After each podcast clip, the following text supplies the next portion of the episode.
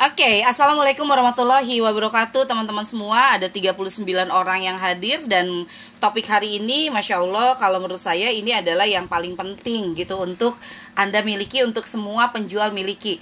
Terkait dengan keyakinan gitu kan. Pernah gak sih Anda merasa bahwa oh kok hidup saya gini-gini aja ya? Kok uh, jualan saya gini-gini aja ya? Kok kok kok kok kok kok, kok? Kayaknya koknya itu banyak banget intinya adalah hidup anda tidak seperti yang anda inginkan gitu kan ah teman-teman ini sangat penting banget untuk teman-teman miliki jualan uh, hidup anda uh, romantisnya uh, pas, dengan pasangan Anda itu sangat tergantung dengan keyakinan Anda. Kalau Anda berpikir bahwa saya ini pasti jualannya laris, saya ini pasti bisa untuk menyelesaikan setiap masalah. Saya ini adalah orang yang luar biasa dan saya ini bisa menyelesaikan apa pun yang terjadi dalam hidup saya. Iya, sekarang adalah resesi, tapi saya yakin bahwa saya bisa menyelesaikan setiap persoalan di masa resesi ini terutama ekonomi karena saya nah, karena saya adalah nah, nah jadi keyakinan itu sangat penting untuk dimiliki oleh teman-teman. Jadi kalau misalnya teman-teman saat ini ngerasa bahwa hidupnya gitu-gitu aja, jualannya gitu-gitu aja, pelanggan lari terus dan bla bla bla, pokoknya negatif semua. Jangan-jangan itulah yang kemudian keyakinan jauh di dalam lubuk hati Anda. Ketika Anda melihat ada kata-kata resesi, langsung kemudian Anda bilang pada diri Anda, "Resesi, wah siap-siap nih bisnis saya bisa mati suri." Resesi, wow, siap-siap nih pelanggan bakalan pada uh, susah untuk beli. Siap-siap nih, siap-siap nih. Yang Anda bayangkan, yang Anda yakini adalah sesuatu yang negatif, gitu kan? Tapi Anda tidak melihat, hah, resesi, ah, insya Allah saya bisa untuk melalui ini. Resesi, jangan pernah takut dengan resesi. Saya bisa untuk menjalankan ini. Pokoknya keyakinan Anda itu akan berbalik, eh, akan sama, akan seimbang dengan apa yang Anda yakini. Akan berba eh, akan seimbang dengan apa kehidupan yang akan Anda jalani. Jadi saya pengen tanya kepada Anda, kira-kira keyakinan Anda terkait dengan resesi ini seperti apa? Apakah Anda melihatnya itu adalah sesuatu yang menyeramkan? Apakah Anda melihatnya adalah wah ini kiamat nih, kiamat pertama itu adalah resesi, gitu? Atau Anda itu melihat resesi ya fine-fine aja, gitu kan? Anda melihat bahwa resesi itu ya nggak apa-apa, gitu kan? Ini adalah salah satu roda kehidupannya sebuah negara. Ini roda kehidupannya e, sebuah ekonomi, ada naik, ada turun, gitu. Resesi itu sedang diturun-turunnya, tapi tapi saya yakin bahwa resesi itu bisa saya jalankan dan negara Indonesia ini bisa kembali bangkit dengan adanya resesi seperti ini. Itu bisa bangkit lagi toh Indonesia pernah merasakan resesi di tahun 98 gitu kan. Jadi ternyata bangkit lagi gitu. Kenapa saya harus takut dengan adanya resesi? Gitu. Lalu kemudian setelah keyakinan itu muncul dengan sangat baik biasanya itulah yang mendorong anda untuk bergerak lebih baik gitu kan. Jadi gerakan kita itu sebetulnya balik lagi kepada keyakinan. Begitu anda bilang negatif maka kemudian dorongan anda untuk berbuat juga menjadi negatif. Gitu. Ketika anda mem memiliki keyakinan yang positif maka gerakan anda juga akan sangat positif gitu kan. Melihat hal-hal sesuatu itu semua tergantung dari keyakinan Anda. Termasuk misalnya nih, Misalnya, teman-teman hari ini tidak mencapai omset yang bagus. Kemudian teman-teman bilang e, meyakini bahwa kalau saya omsetnya tidak bagus hari ini, oh iya berarti benar nih. Katanya resesi itu benar nih bikin omset saya turun. Janganlah teman-teman. Ketika teman-teman kemudian hari ini omsetnya turun, maka kemudian teman-teman berpikir, wah omset saya kemarin turun nih. Omset saya kok hari ini turun nih? Apa yang harus saya lakukan? Selalu begitu. Ketika omset turun ketika ada masalah pertanyaannya adalah apa yang harus saya lakukan supaya menjadi lebih baik? Bukan menyalahkan keadaan bukan menyalahkan orang lain. Wah uh, omset saya turun nih. Soalnya datang nih produk dari Cina semuanya murah-murah. Teman-teman saya jualan meja darling. Teman-teman di sini jualan meja darling juga gitu kan meja yang untuk anak-anak sekolah daring saat saya jualan itu, saya memang terinspirasi dari desain-desain yang memang bagus untuk meja-meja yang uh, nyaman gitu lihatnya dari warna sampai ke desainnya nyaman. Begitu saya jualan hanya serang sekian hari, ada yang nawarin ke saya mejanya jauh lebih murah.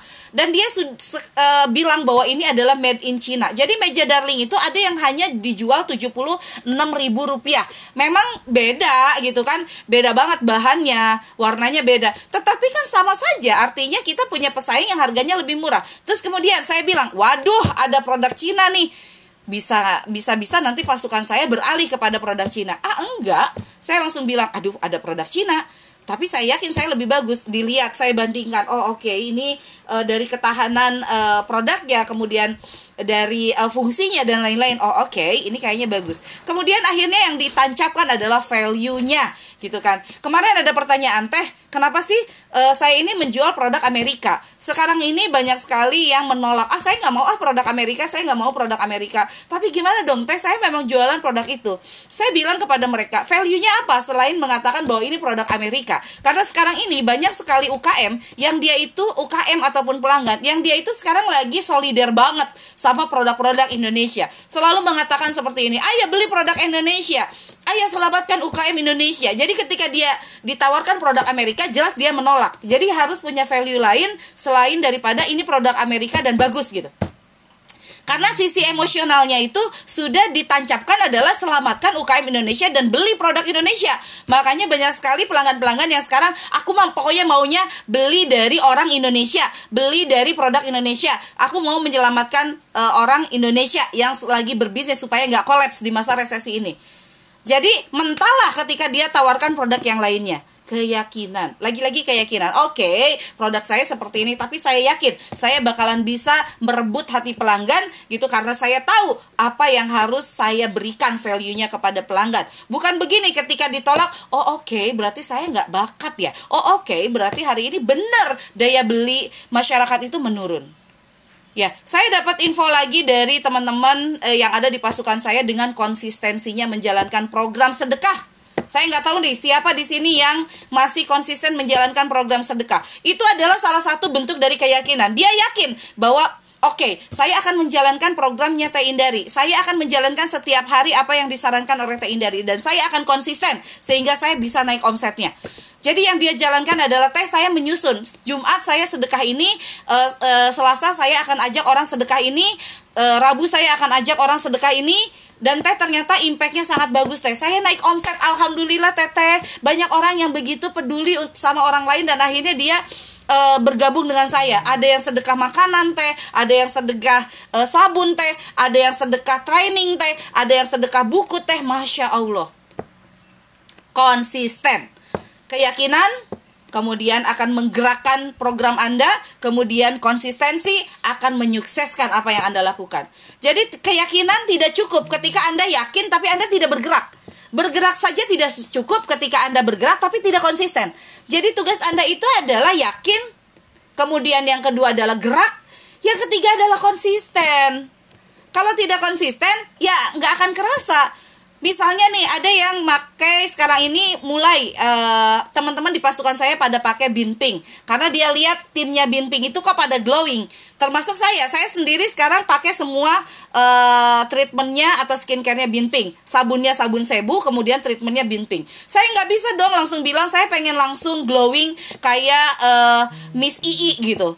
Atau uh, saya pengen uh, glowing kayak Bunda Eca gitu kan Gak bisa langsung seperti itu. Tugas Anda itu adalah konsisten. Sedangkan orang-orang Indonesia, orang-orang kebanyakan orang kepengennya gini, baru satu kali, dua kali, tiga kali seminggu udah pengen cakep gitu. Nggak bisa. Baru berbisnis, uh, baru memulai bisnis satu minggu, pengennya langsung laris. Nggak bisa. Ada tiga hal, yakinnya benar, programnya benar, kemudian konsistennya juga benar Ya, teman-teman, ingat. Jadi apa yang saya sampaikan di Zoom seperti ini harus dicatat benar-benar kira-kira yang akan menjadi daftar prioritas saya untuk dijalankan yang mana. Ya, tanyakan pada diri sendiri yang mana. Jangan sampai gini, saya ajarkan, oke, okay, program empati ya, dijalankannya hanya satu kali, dua kali. Harus dijalankan terus-menerus. Karena ini adalah masa pandemi, ini masa krisis. Orang semakin kita peduli pada orang, maka semakin bagus untuk diri Anda dan kepada bisnis Anda impactnya. Ya, jadi saya lihat sendiri bahwa di uh, apa namanya itu salah satu pasukan saya yang dia melaporkan bahwa dengan program sedekah dia naik omsetnya terus naik setiap hari. Karena apa? Konsisten. Yakinnya benar, programnya benar, konsistennya juga benar. Oke, okay. ini yang ingin saya sampaikan kepada teman-teman yang ada di sini. Konsisten, teman-teman, konsisten. Yakin, teman-teman, yakin. Ya, jangan sampai ketiganya itu masih naik turun grafiknya. harus terus naik, naik, naiknya pelan-pelan gak apa-apa, tapi stabil, naik terus. Yang jualan Xiaomi, terus bikin kegiatan. Ah, saya mau jualan Xiaomi dan setiap hari saya mau bikin kegiatan sedekah. Dicari di mana titik-titik yang bisa disedekahkan. Oh, ada bencana alam di sini. Oh, ada yang kesusahan di sini. Oh, setiap hari, Miss, uh, insya Allah besok saya mau mengadakan um, pembelian hanya satu Xiaomi saja dan akan saya sumbangkan kepada salah satu korban uh, uh, yang terdampak pandemi. Di lokasi ini ada yang kelaparan, pada nggak bisa makan. Terus setiap hari dicari, dieksplorasi. Seperti halnya, saya setiap hari ini selalu melakukan yang namanya sedekah buku.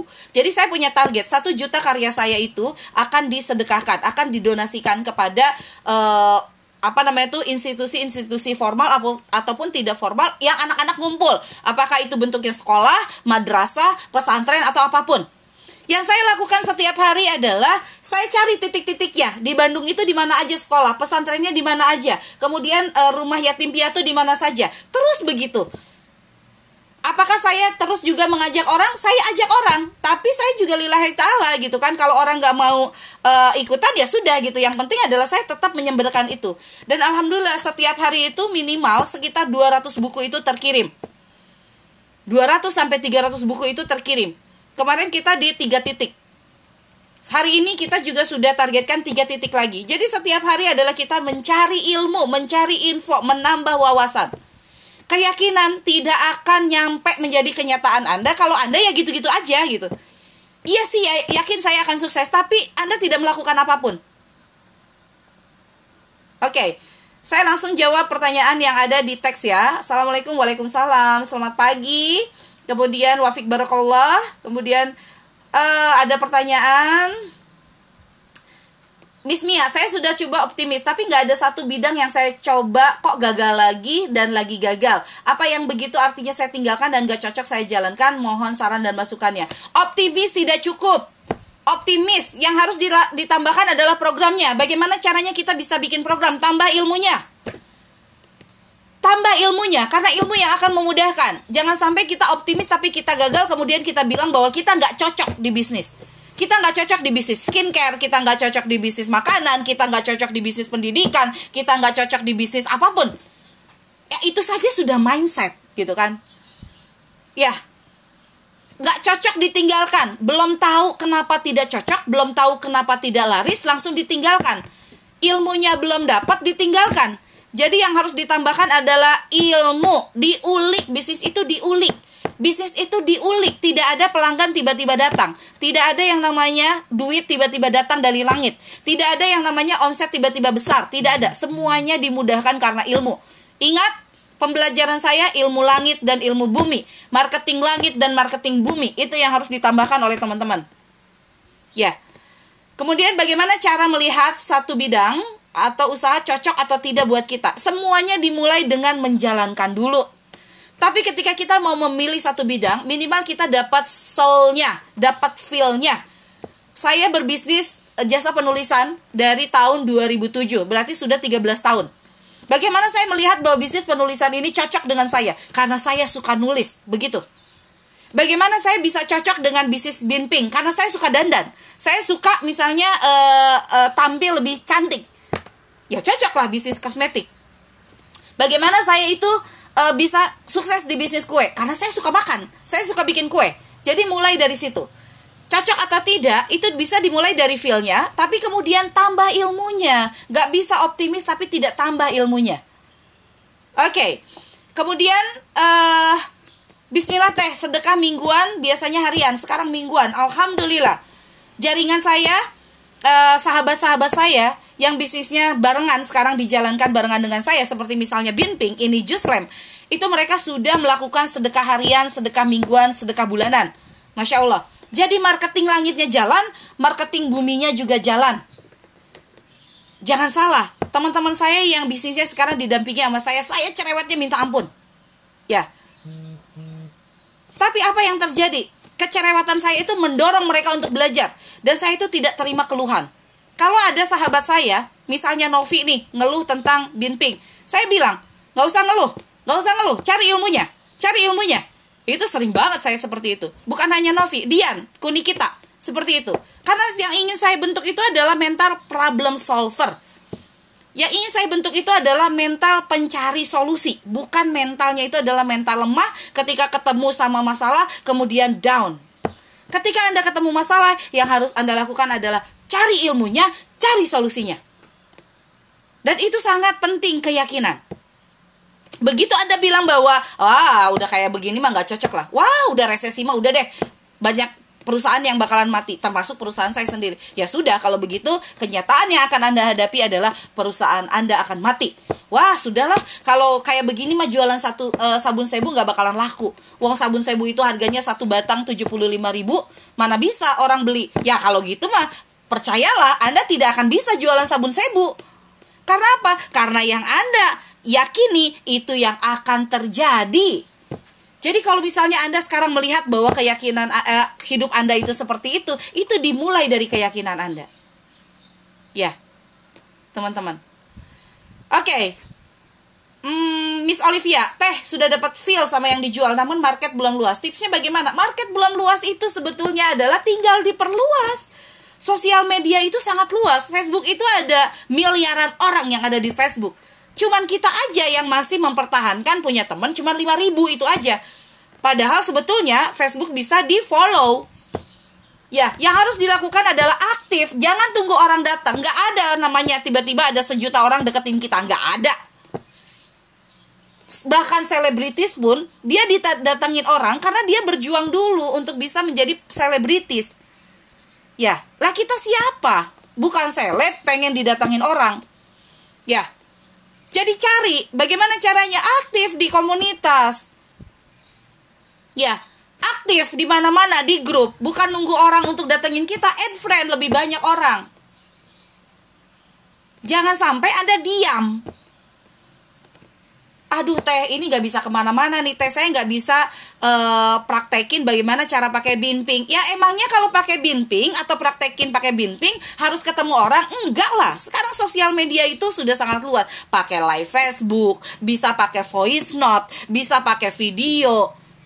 Langkah anda itu jangan geraknya itu kayak aduh dunia itu se segini gitu. Padahal dunia itu suh luas banget. Ya Ternyata yang membuat dunia sempit itu adalah keyakinan Anda yang sempit. Yang membuat rezeki Anda sempit ternyata adalah keyakinan Anda yang sempit. Ya. Oke. Okay.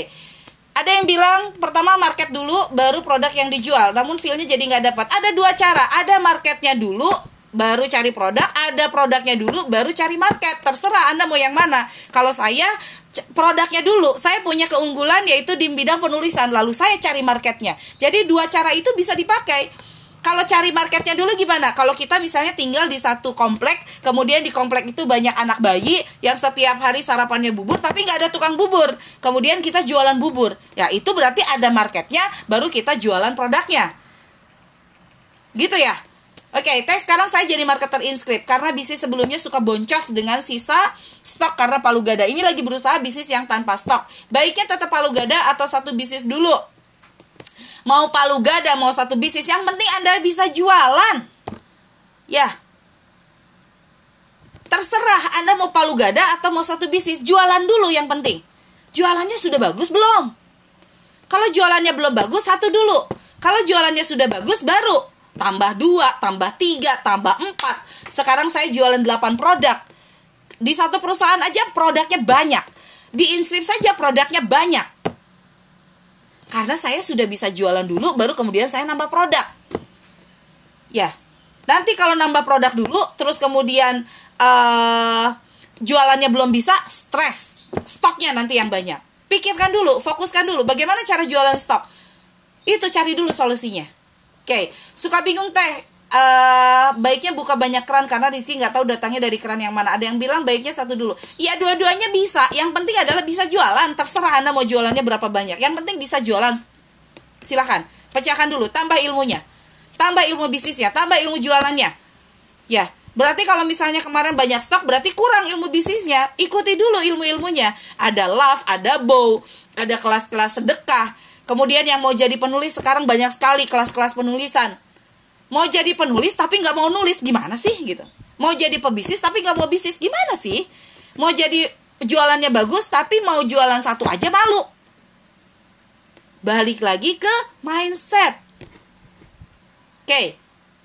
Balik lagi ke diri kita. Diri kita itu mau ke mana arahnya? Mau sukses atau mau gitu-gitu aja? Iya teman-teman keyakinan ingat satu lagi saya tekankan. Sekarang sudah 20 menit 22 detik. Satu lagi yang harus anda lakukan adalah keyakinannya harus positif harus besar keyakinannya seluas samudra. Ditambah programnya juga harus gerak dengan ilmu. Ya programnya jangan gitu-gitu aja. Jangan kayak bulan kemarin jangan kayak kemarin. Programnya itu harus jelas mau kayak gimana lalu yang ketiga adalah konsistennya harus bagus. Ya. Keyakinan program konsistensi. Keyakinan program konsistensi. Keyakinan program konsistensi. Itu saja yang ingin saya share hari ini. Mudah-mudahan bermanfaat teman-teman.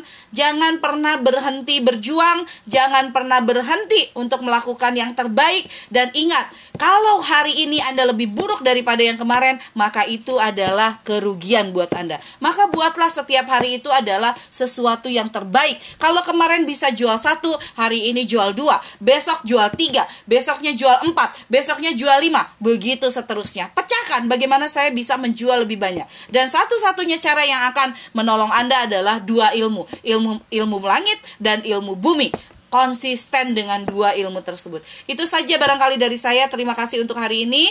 Assalamualaikum warahmatullahi wabarakatuh.